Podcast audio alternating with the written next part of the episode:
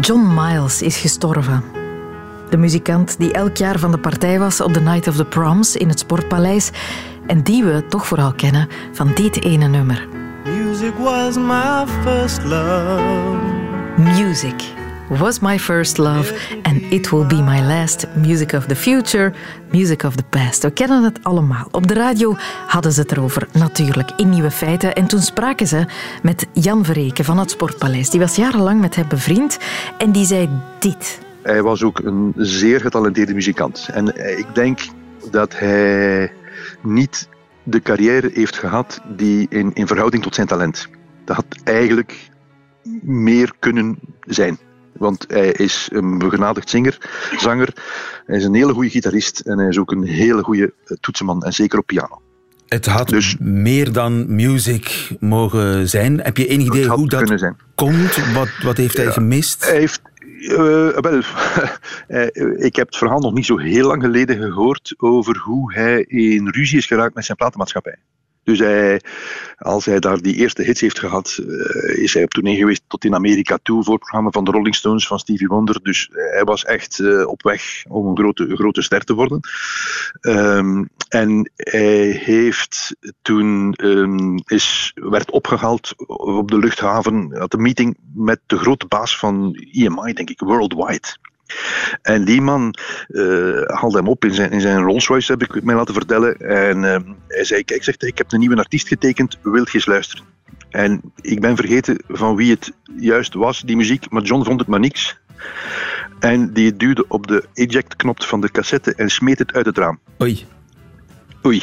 Ook dat was John Miles. En dat, dat is hem zuur opgebroken dat is eigenlijk het verkeerde keelgat geschoten van de platenbaas. En daardoor heeft hij, heeft hij daarna een proces gekregen van de platenmaatschappij. En was hij eigenlijk op weg. Hij is terug uit Londen verhuisd, terug naar Newcastle. En was hij, dat heb ik mij later ook laten vertellen door muzikanten van, van Tina Turner en Joe Cocker. Dat hadden wij hem, als, als hij niet naar de proms was gekomen in 85 en in 89, had hij misschien de muziekbusiness compleet vaarwel gezegd. Maar door het succes wat hij op de proms heeft gehad, naar verluid, heeft hij dat nooit zelf gezegd. Ik heb er ook niet naar gevraagd, maar heeft hij is hij tot besef gekomen, ik kan toch nog iets betekenen voor het publiek. En is hij, bon, heeft hij de draad eigenlijk terug opgepikt. Weliswaar niet met de uh, verkoopscarrière of de commerciële carrière die het misschien had kunnen zijn, maar hij is eigenlijk, zelfs de laatste jaren misschien nog meer dan vroeger, enorm beginnen genieten van het succes dat hij uh, had uh, bij ons. Dat aspect van John Miles, dat er meer in zat, dat bleef zo hangen. Of dat nu aan die baas lag en dat moment in de auto of niet, dat idee dat hij daarmee heeft rondgelopen, met mogelijk spijt dat het meer had kunnen zijn. We leven zo in tijden waarin je gepusht wordt om alle kansen te grijpen die je krijgt, waarin presteren en succes voorop staan. En na het ene succes hoort ook een ander te volgen, waardoor iedereen die niet de medailles aan elkaar recht, achterblijft met dat idee dat er meer in zat. En eerlijk, dat is toch het overgrote deel van de mensen. Ik wil het daar eens over hebben. Welkom in de wereld van Sophie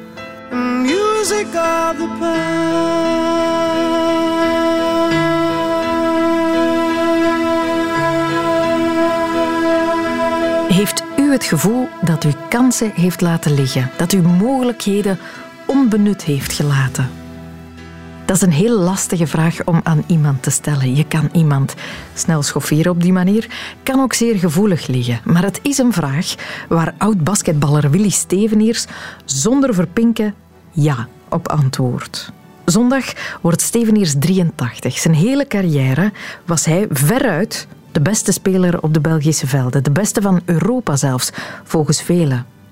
Maar hij had het eigenlijk nog veel verder kunnen schoppen, tot in de NBA zelfs. Het allerhoogste niveau voor een basketballer. Waarom is hij daar niet geraakt? En in hoeverre spijt het hem? Bart Bogaert ging het hem vragen. Al zijn de spelers van het groen-witte basisvijftal stuk voor stuk basketbalvirtuozen van het zuiverste gehalte, toch is er één primus inter pares. Willy Steveniers ongetwijfeld de beste basketbalspeler van het jaar. Heb jij het gevoel dat je er genoeg uitgehaald hebt? Ja, op mijn manier wel. Maar genoeg met mijn talenten denk ik niet. Ik denk voor niet te overdrijven, 75 procent. En 25 procent heb ik eh, door mijn instelling en mijn, uh, mijn gebrek aan educatie op die moment en een gebrek aan respect en, en beroepshalve heb ik, eh, heb ik voor mij het niet goed gedaan. Ik heb de kans gekregen, maar ik denk altijd nog dat ik veel verder zou kunnen komen. Voor mij is Willy, ik kan Antwerps woord gebruiken, een fantast. Een krak. Willy heeft volgens mij het basketbal in bloed zitten. Hij is ermee geboren. Ten eerste was ik een, ja, ik, ik, speelde op de playground, noemen ze dat in Amerika, hè? op de pleintjesbasket, hè? zoals de Nederlandse taal gebruikt wordt. Dat zijn de grootste talenten. Maar hoe zijn de grootgebracht? Hoe denk je? Hoe is uw karakter? Wat zijn uw problemen? Wat zijn uw gebreken. Ik was van 14, 15 jaar al op straat. Uh, ik, uh, ik ben nooit grootgebracht door mijn ouders geweest. Dat speelt allemaal een rol. Hoe word je opgevoed van een prof te worden? En ik had dat niet. Het was alleen het grote talent. En dat is te weinig om ooit te kunnen zeggen... Ik ben een echte profspeler geweest. En dat heeft zo heel mijn loopbaan zo'n beetje het probleem geweest. Willy Steveniers is voor mij op het ogenblik de beste speler in België. Niet alleen in België, maar zelfs in Europa. Dus ik was een pleintjesbasket. Ik werd de beste basketbalspeler in Antwerpen. En dan begint een lat hoger te liggen, omdat dat een ouderdom dan geeft. Je wordt wat ouder en je zegt, oei, ik kan misschien mijn beroep ervan maken. Ik kan misschien zo naar Amerika gaan. De, de droom van iemand. En uh, ja, dan kom je in een gestructureerde ploeg. En dan zie je wat je mankeert. Want dan heb je alleen een grote mond.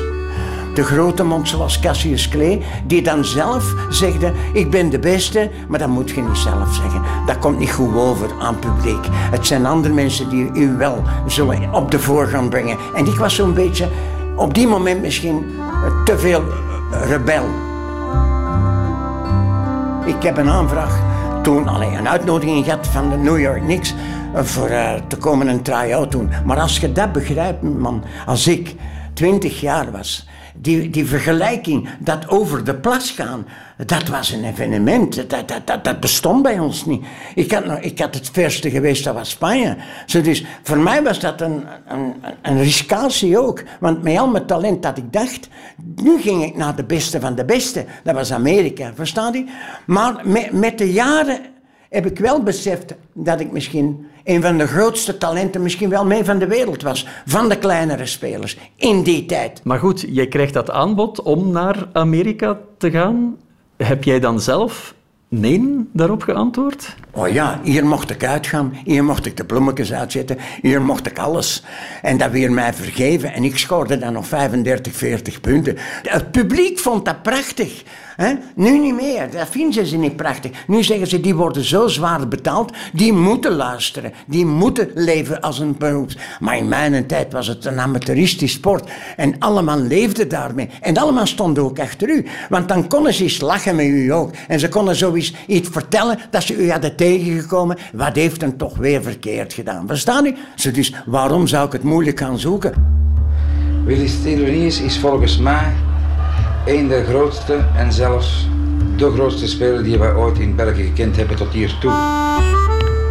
Zijn drives, zijn dribblings en... En we moeten eerlijk zijn, hè? ik kon mijn beroep er niet van maken. Hè? En dat was het een risico. Want ik kan bijvoorbeeld een anekdote vertellen. Dan, dan ben ik slimmer geworden door die persoon die mij zo geantwoord heeft.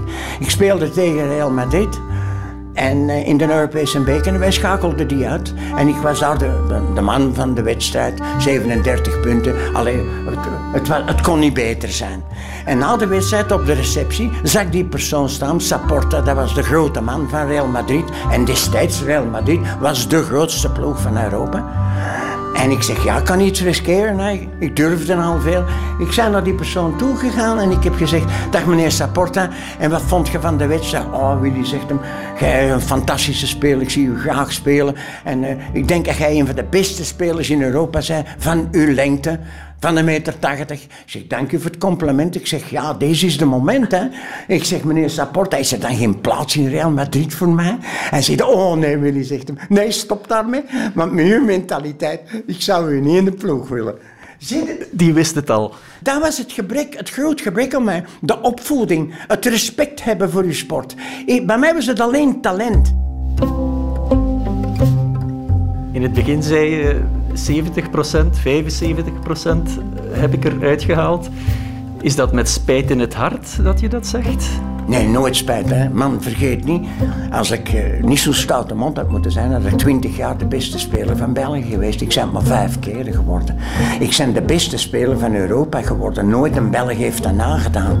In, in 1972, in het, in, het beste land van basket, in Joegoslavië toen, uit Joegoslavië was Zenak gekozen geweest als de beste speler van Europa. Nou, ogen kunnen niet gaan. Voor een gewone jongen van de straat fantastisch. Formidabel wat ik het heb kunnen uithalen.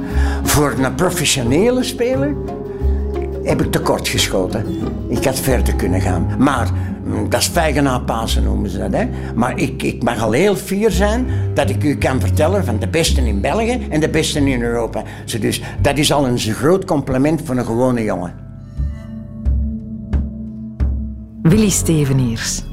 Ver geraakt voor een gewone jongen. Zegt hij zo zeer berustend, hè? dat valt op.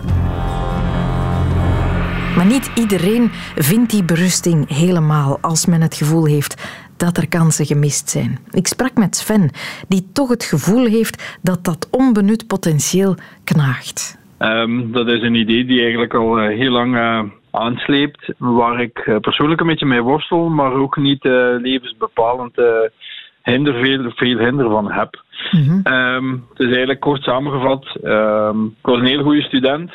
En mijn humaniora-tijd, ik moest eigenlijk weinig of niks doen. En ik ben door de humaniora-studies gewandeld eigenlijk. Maar dan nadien is het vastgelopen, omdat ik uh, eigenlijk toch wel uh, uh, nooit leren leren heb. En dan nadien toch hogere studies aangevat heb, maar niet afgemaakt heb omwille van ja, allerlei omstandigheden. Maar vooral uh, door mezelf, door niet alles te geven of niet uh, mijn uiterste best te doen. Mm En zich daar pas, uh, ben me daar eigenlijk pas op latere leeftijd bewust van geworden. En achteraf zou ik dat zelfs kunnen kaderen in een, um, een soort aandoening die men nu ADHD noemt, of ah, benoemt, maar die destijds eigenlijk niet werd vastgesteld. En in onze jonge jaren dan ehm, noemde me mij gewoon een druk kind. En uh, ik was een heel rustig, lieve jongen, maar uh, wel druk. En ik deed eigenlijk alles uh, goed, maar nooit niet afgewerkt en tot in de puntjes verzorgd. Bij studies op, op hogeschool of universiteit, ja, dan kun je niet meer alleen teren op jouw talenten. Dan moet je eigenlijk ook wel best wel hard werken en extra inzet leveren. En dat ontbrak eigenlijk mm iedere keer opnieuw. Dus had jij vandaag uh, die studies aangevat met de kennis die er vandaag is rond ADHD, uh, ehm, de aanpak die men nu daar wel voor heeft, dan had het anders kunnen lopen voor jou? Um, dat is een idee dat nog altijd leeft bij mij. Ik mag dat niet voor 100% waarheid aannemen, want ik zal het misschien nooit meer weten. Uh, maar ja, ergens denk ik van wel. Mhm. Stiekem denk ik dat toch wel. En zit er zo ergens nu nog een goesting om het alsnog te proberen in? Um, ja, ik ben momenteel uh, ik ben nu 47 jaar en ik heb een tiental jaar geleden, uh, toen mijn drie kleine kinderen hier nog in huis rondwarrelden, uh, een poging ondernomen. Ik ben toen uh, naar de Universiteit Gent getrokken als werkstudent en ik heb daar de studies van criminologie aangevat. Mm omdat dat een richting was die samen met geschiedenis mij eigenlijk het meest van al interesseert. Maar um, ik ben daaraan begonnen. Ik heb zes van de tien vakken van het eerste jaar uh, criminologie gedaan. En uh, telkens per drie vakken, uh, per academiejaar drie vakken. En ik ben daar eigenlijk toen wel doorgesparteld door die grote hoeveelheden leesstof. Ah, ja. En ik denk dat dat vooral te danken is aan het feit dat ik op een ontspannen manier eraan begonnen ben, dat ik niks meer te verliezen had of te bewijzen.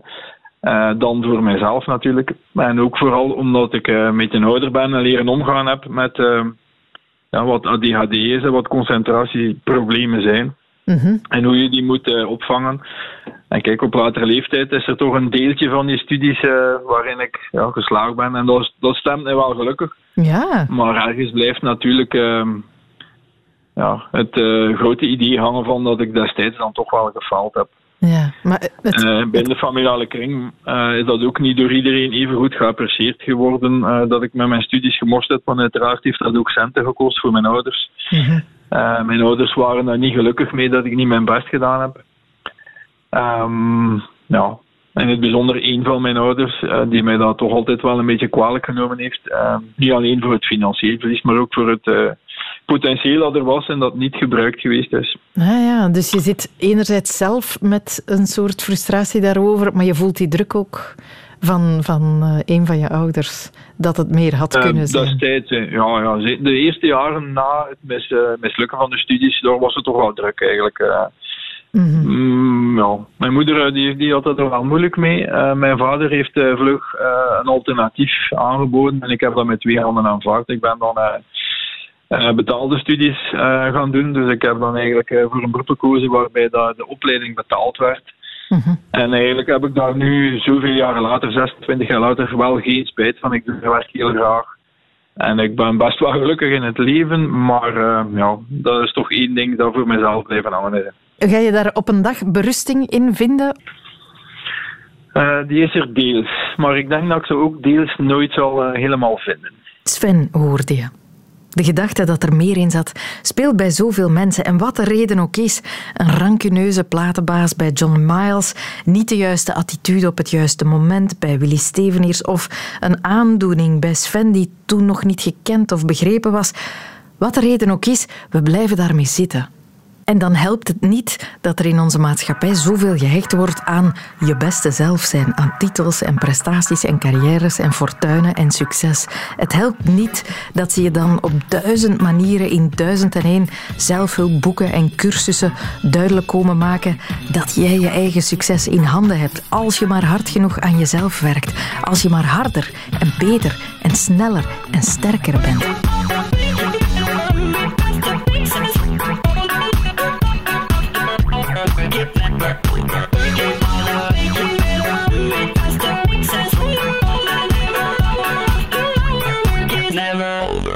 Our work is never over. Daft Punk zit er bonk op? Dat was ook wat de Nederlandse Marianne Donner wilde aanklagen in het boek dat ze geschreven heeft. Zelfverwoestingsboek. Waarom we meer moeten stinken, drinken, bloeden, branden en dansen. Een pleidooi tegen het alsmaar blijven werken aan jezelf? Ja, dat klopt helemaal. Ja, eh, tegen uh, Daft Punk's nummer eigenlijk. Dat het altijd maar meer, beter, groter moet zijn. En we al maar harder moeten werken daarvoor. Geschreven als een parodie op de zelfhulpindustrie. Wat is er mis met de zelfhulpindustrie? Ja, dat de zelfhulpindustrie je daar dus toe aanzet. Dat, dat ehm, eigenlijk ze maken. Ten eerste maken ze elk probleem wat je hebt uh, persoonlijk. Dat ligt aan jou. Als jij nog niet succesvol bent, of gelukkig, of fit, of, dan ligt dat aan jou. Uh, en dan moet jij daar iets aan gaan doen. Um, en um, ja, dus, dus het is het, precies die boodschap van het, het is nooit goed genoeg, je, je moet er alles uithalen um, wordt daarin heel erg gepropageerd. En dat is uh, dodelijk vermoeiend. En de boodschap is ook altijd: het is ook allemaal gericht op succes hebben, altijd. Maar wat je net zegt over de muzikant, denk ik, ja, onbenut potentieel, onbenut hitpotentieel. Was, John Miles, ja. Dat was dus. Hij heeft niet meer hits gescoord. Maar misschien was zijn potentieel voor lange wandelingen in het bos of hele gelukkige momenten met zijn vrouw, waren die uh, heel goed benut. Mhm. Zeg maar, alles wat ten koste gaat van als je heel succesvol bent, er gaat natuurlijk heel veel ten koste van. Ja, dat, ehm, dat, is misschien ook wel een, een groot bijkomend probleem naast het feit dat we constant die boodschap krijgen, dat we beter zouden kunnen, uh, dat we een zeer enge definitie hebben van wat succes is. Ja, en van wat beter is. Want beter is dus succesvol. Um, beter is dat hogere of beter salaris, meer hits, meer volgers, meer likes, alles maar meer. Um, Ehm, en, en, en inderdaad, dat is ook de definitie van succes. Maar ehm, ja, dat, ehm, dat is natuurlijk maar zeer de vraag van hoe, hoe gelukkig mensen daarvan worden. Mhm. en, en, en naar dat streven ervan, waarom moet dat altijd? Waarom moet dat voor iedereen? Uh, je, ziet, je ziet natuurlijk ook sowieso aan succesvolle mensen, er gaan er genoeg aan onderdoor. Mm die, uh, dus, en ik, ik, ik moet steeds ook denken aan, aan Britney Spears, die, die heel lang onder dat curatorschap heeft geleefd, heel veel op heeft opgetreden. En nu is dat curatorschap opgeheven. En nu zegt ze eigenlijk: Ik ga nooit meer, ik wil helemaal niet meer optreden. Dat was helemaal niet mijn doel. Ik ga een gezin eh, stichten met mijn nieuwe vriend, mijn leuke nieuwe vriend. En dat is eigenlijk net zo goed, maar we worden allemaal zo gedreven in een, in een hamsterrad eigenlijk. Dat het dus nooit goed genoeg is. En dat wordt eigenlijk, dat, dat wordt ook nog bij die zelfhulpindustrie. Dus je moet ook een probleem, mensen moeten ook het gevoel krijgen dat ze een probleem hebben. Dat het niet goed genoeg is. Dat ze niet, niet uh, succesvol populair genoeg zijn. Dus dat zit in de hele beeldcultuur ook verweven. Ja, ja. Is, het, uh, is je gewicht niet goed genoeg? Is je job niet goed genoeg? Is je uh, mindfulness niet goed genoeg? Is je, en zo kan je, het lijstje is eigenlijk oneindig hè, aan dingen waar we aan ja. horen te werken. Ja, om, om dus de definitie van beter en succes. En ja, die definitie is er ook vooral gericht op dus een beter aangepastere versie. Schrijf ik steeds in mijn boek. Um, ja, is een versie van onszelf die alsmaar door kan werken, die nooit opgeeft, die flexibel is, die blijft glimlachen bij tegenslagen. Als de baas hem rot behandelt, als hij ontslagen wordt, dan blijft hij glimlachen, want je moet er tegenaan en je moet je daardoor niet laten kisten. Dus het is een hele meegaande versie ook, wat we als ehm, beste versie of goede ver, de goede versie die wordt gepropageerd. Mhm. En ik denk, nee, dat kan allemaal veel beter. Ja, wat is het alternatief? Is dat dan stinken, drinken, bloeden, branden en dansen? Nou, nee, ja, dat moet ik steeds bij mijn boek altijd een beetje uitleggen. Dat, dat niet, want ik zeg al aan het begin van mijn boek, als, als je de adviezen opvolgt, dan zul je daar niet per se gelukkiger en al helemaal niet succesvoller worden. Maar het is een, een, ja, en eigenlijk een poging tot verzet om niet mee te gaan in die zeer dominante ideologie van nu die ons ook een beetje reduceert tot robots allemaal. En was het eh, nummer van Daft Punk ook heel toepasselijk. Mm mensen beginnen ook steeds meer op elkaar te lijken. Letterlijk, in uiterlijk, op Instagram en zo. Maar ook in de waarden en wat ze belangrijk vinden. En dat is dus hard werken, nooit opgeven, al die dingen.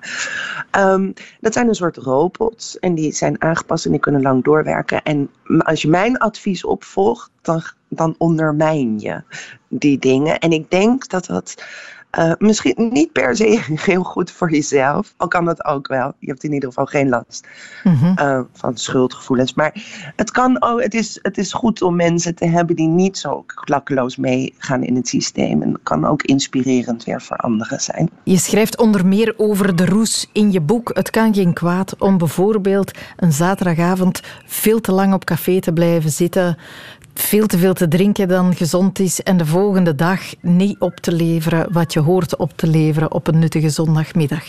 Dat moet kunnen. Dat moet absoluut kunnen. Ja, ja dat is zelfs heel gezond.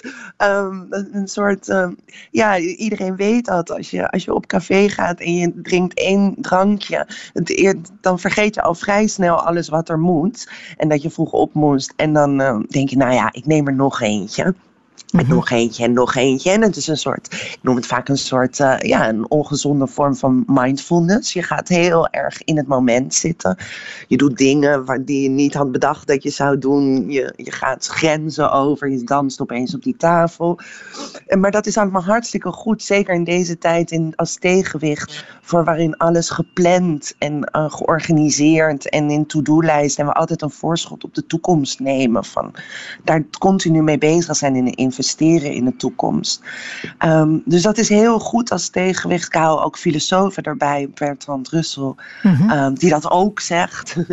om dat evenwicht te hebben.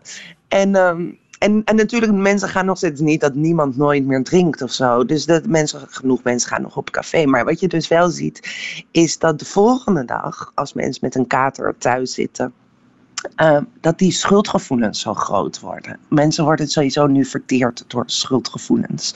En um, schaamte van, oh, heb ik me weer laten gaan? Oh, uh, heb ik weer die taart opgegeten? Uh, wat erg. Uh, niet, me niet aan mijn to-do-lijst gehouden. Weer de hele avond op de bank zitten hangen en tv zitten kijken. En mensen doen dat dan en dan voelen ze zich schuldig. Want dat is dan alsof je jezelf tekort hebt gedaan in die Mhm. investering in jezelf die je moet doen. Krijg je allemaal schaamte, schuldgevoelens van. Is, eh, Super ongezond. Heel, eh, heel gestrest word je daar ook van. Dus het is ook goed om dat te laten gaan. Om wat vergevingsgezinder naar jezelf te zijn. En te zeggen, is prima zoals ik het doe. Ik heb het nu laten gaan en eh, eh, me niet gehouden aan al mijn voornemens. Maar morgen hou ik me er wel weer aan. En een week later weer niet. Ja. Je mag wat inconsequent zijn, maar het mag natuurlijk niet uit de hand lopen. Je mag natuurlijk niet elke dag denken, nou, laat maar zitten. Nee, maar dat denk ik dus ook, dat, dat, dat geen mens is zo. Mens, het, er, er, lijkt altijd zo'n eh, idee te heersen dat als, je, als de mens te vrij zou zijn, of geen plichten of geen to-do-lijst meer, dat, dat er dan niks meer van komt en mensen de hele dag op hun gat zitten, niks te doen. Maar dat is natuurlijk helemaal niet waar. Mensen willen graag ook dingen doen en willen ook werken en eh, allemaal dat soort dingen. Dus dat, dat komt wel. Er zijn natuurlijk mensen verslaafd, maar als we die even buiten beschouwing laten, dan eh, dat komt wel goed. Die balans, het gaat om balans. Mhm. En ehm, Maar dat, dat ondertussen, zit al in veel mensen. wat dan denk ik bij veel mensen speelt, ondertussen gaat er zoveel mis in de wereld en hebben ze mensen nodig die een handje toesteken in de zorg, die een oplossing bedenken voor klimaatverandering. Als je het talent hebt en de intelligentie, het potentieel om iets ten goede te doen, moet je dat dan niet benutten? Heb je dan niet een soort verplichting tegenover de wereld om eh, een handje toe te steken? Wow, dat is een groot. Ehm, ja. Ja, daar zie ik toch allemaal. Ja, ja. Jeetje, ja, want wat is dan dat potentieel? Want nou, ehm, dat vind ik ook zo lastig. Die, die, dus nou, zo begonnen we eigenlijk ook. Maar ja, de- je kan zo tot voor zoveel dingen potentieel hebben. Ehm, en, en in zoveel dingen misschien goed zijn, misschien ook niet goed zijn. Er zijn natuurlijk ook heel veel mensen ehm, die goed in iets zijn wat ze eigenlijk helemaal niet zo leuk vinden. Of, eh, of andersom, die, die eh, iets heel leuk vinden, maar daar niet zo goed in zijn. Ehm, en ik ben het er op zich wel mee eens dat als je ergens heel goed in bent en je, en je vindt iets heel leuk, dan is het heel droevig als dat niet benut wordt. Uh, Mhm. dat, dat is heel erg voor die mens zelf.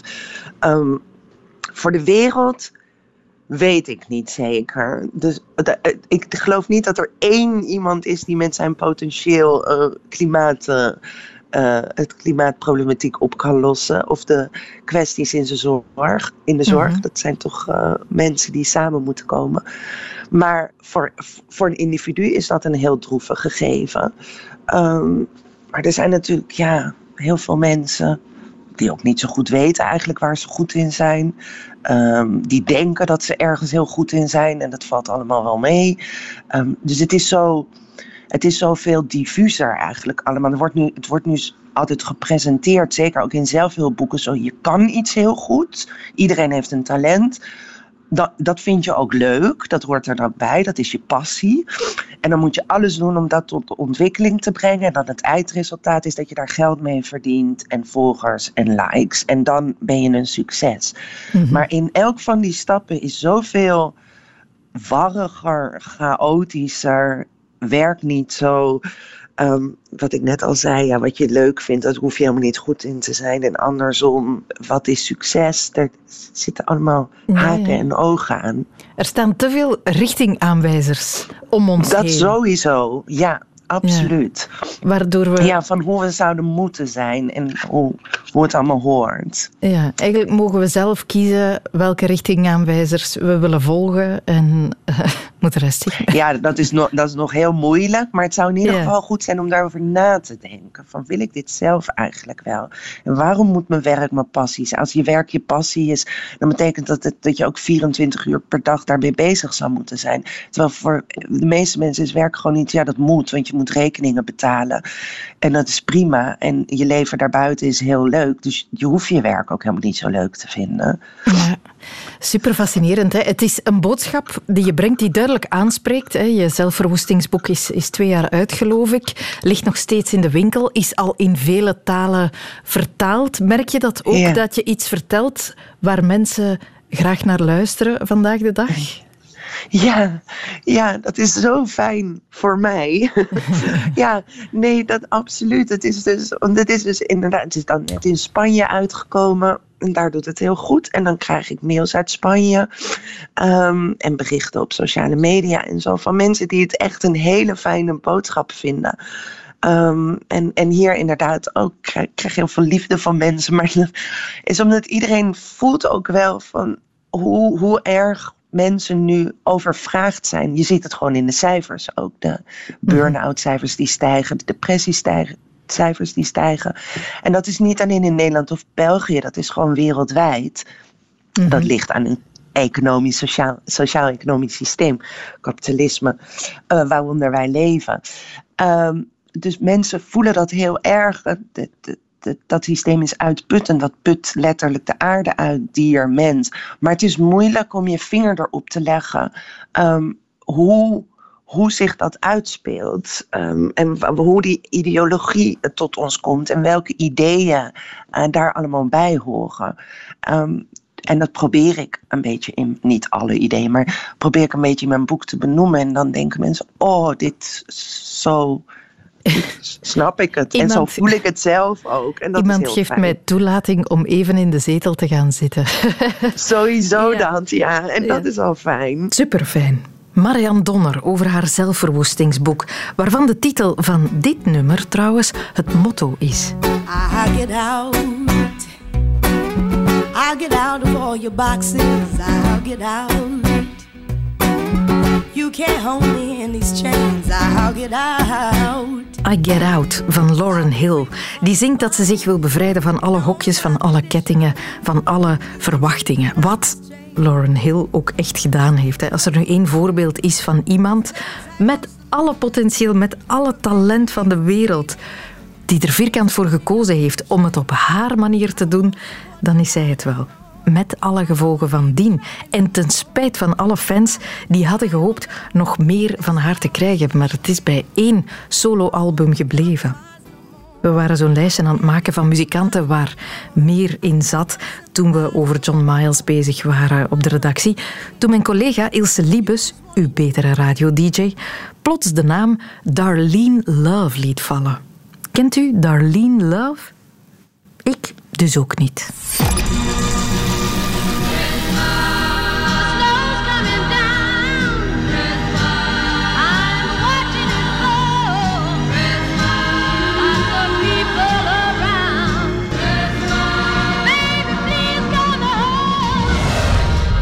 Het zijn in dit geval kerstbelletjes die aan het rinkelen zijn, maar Darlene Love is dus, de vrouw, is dus de vrouw die dit nummer zingt, die Christmas Baby Please Come Home zingt. En die vrouw in die carrière had veel meer gezeten. Het feit dat haar naam niet meteen een bel doet rinkelen is eigenlijk al problematisch, want ze had zoveel in haar mars om ja, eigenlijk zou haar naam bij ons even bekend moeten zijn als de naam van bijvoorbeeld Diana Ross.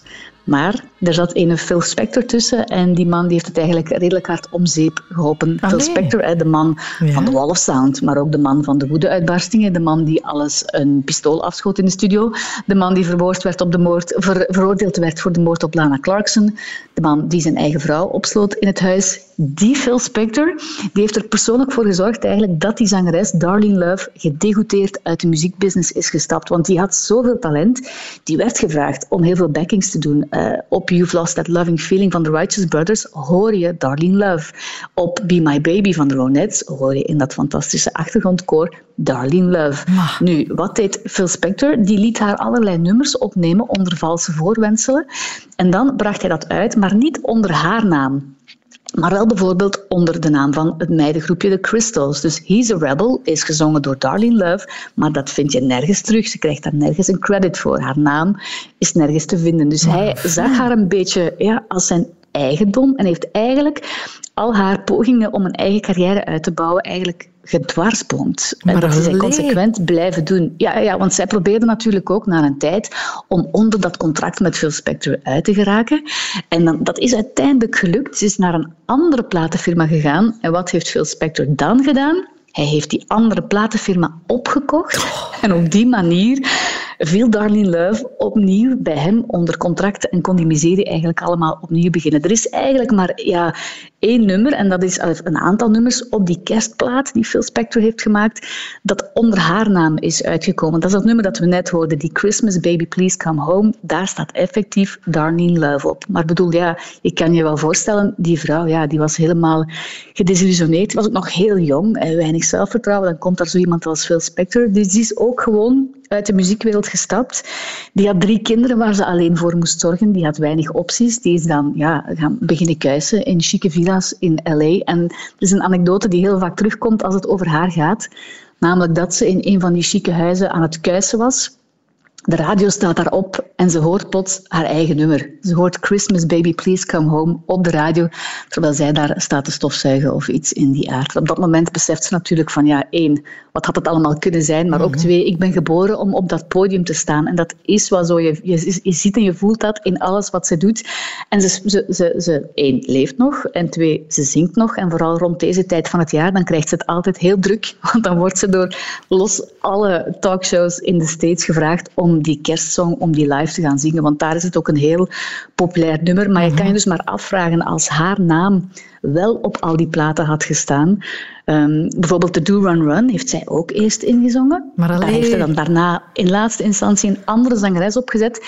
En dan is het weer als de Crystals uitgebracht. Maar dus ja, stel je voor, de Do Run Run, met daaronder in een kloevers van letters Darlene Love. Ja, dan zouden we die naam dan zou die wel veel sneller een belletje doen rinkelen en dan had die carrière van Darlene Love er heel anders uit kunnen zien. Dus ik denk ook daar had er meer in gezeten. Wat een verhaal, jong.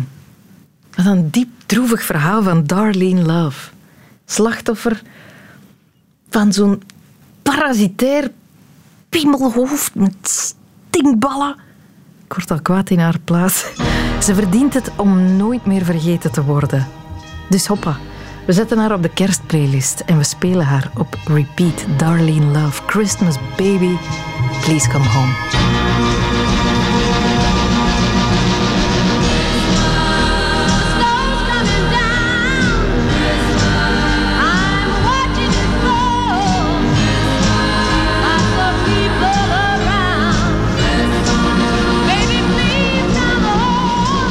Was de wereld van Sophie. Er zit niet meer in vandaag. Volgende week een nieuwe podcast. Abonneren kan, mag altijd.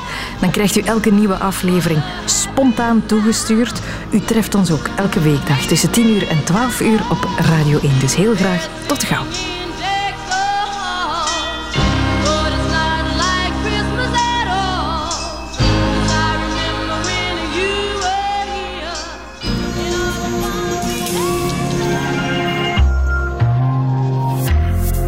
Was een podcast van Radio 1. Ontdek nog meer podcasts van Radio 1 in onze app en op radio1.be. Radio 1. Altijd benieuwd.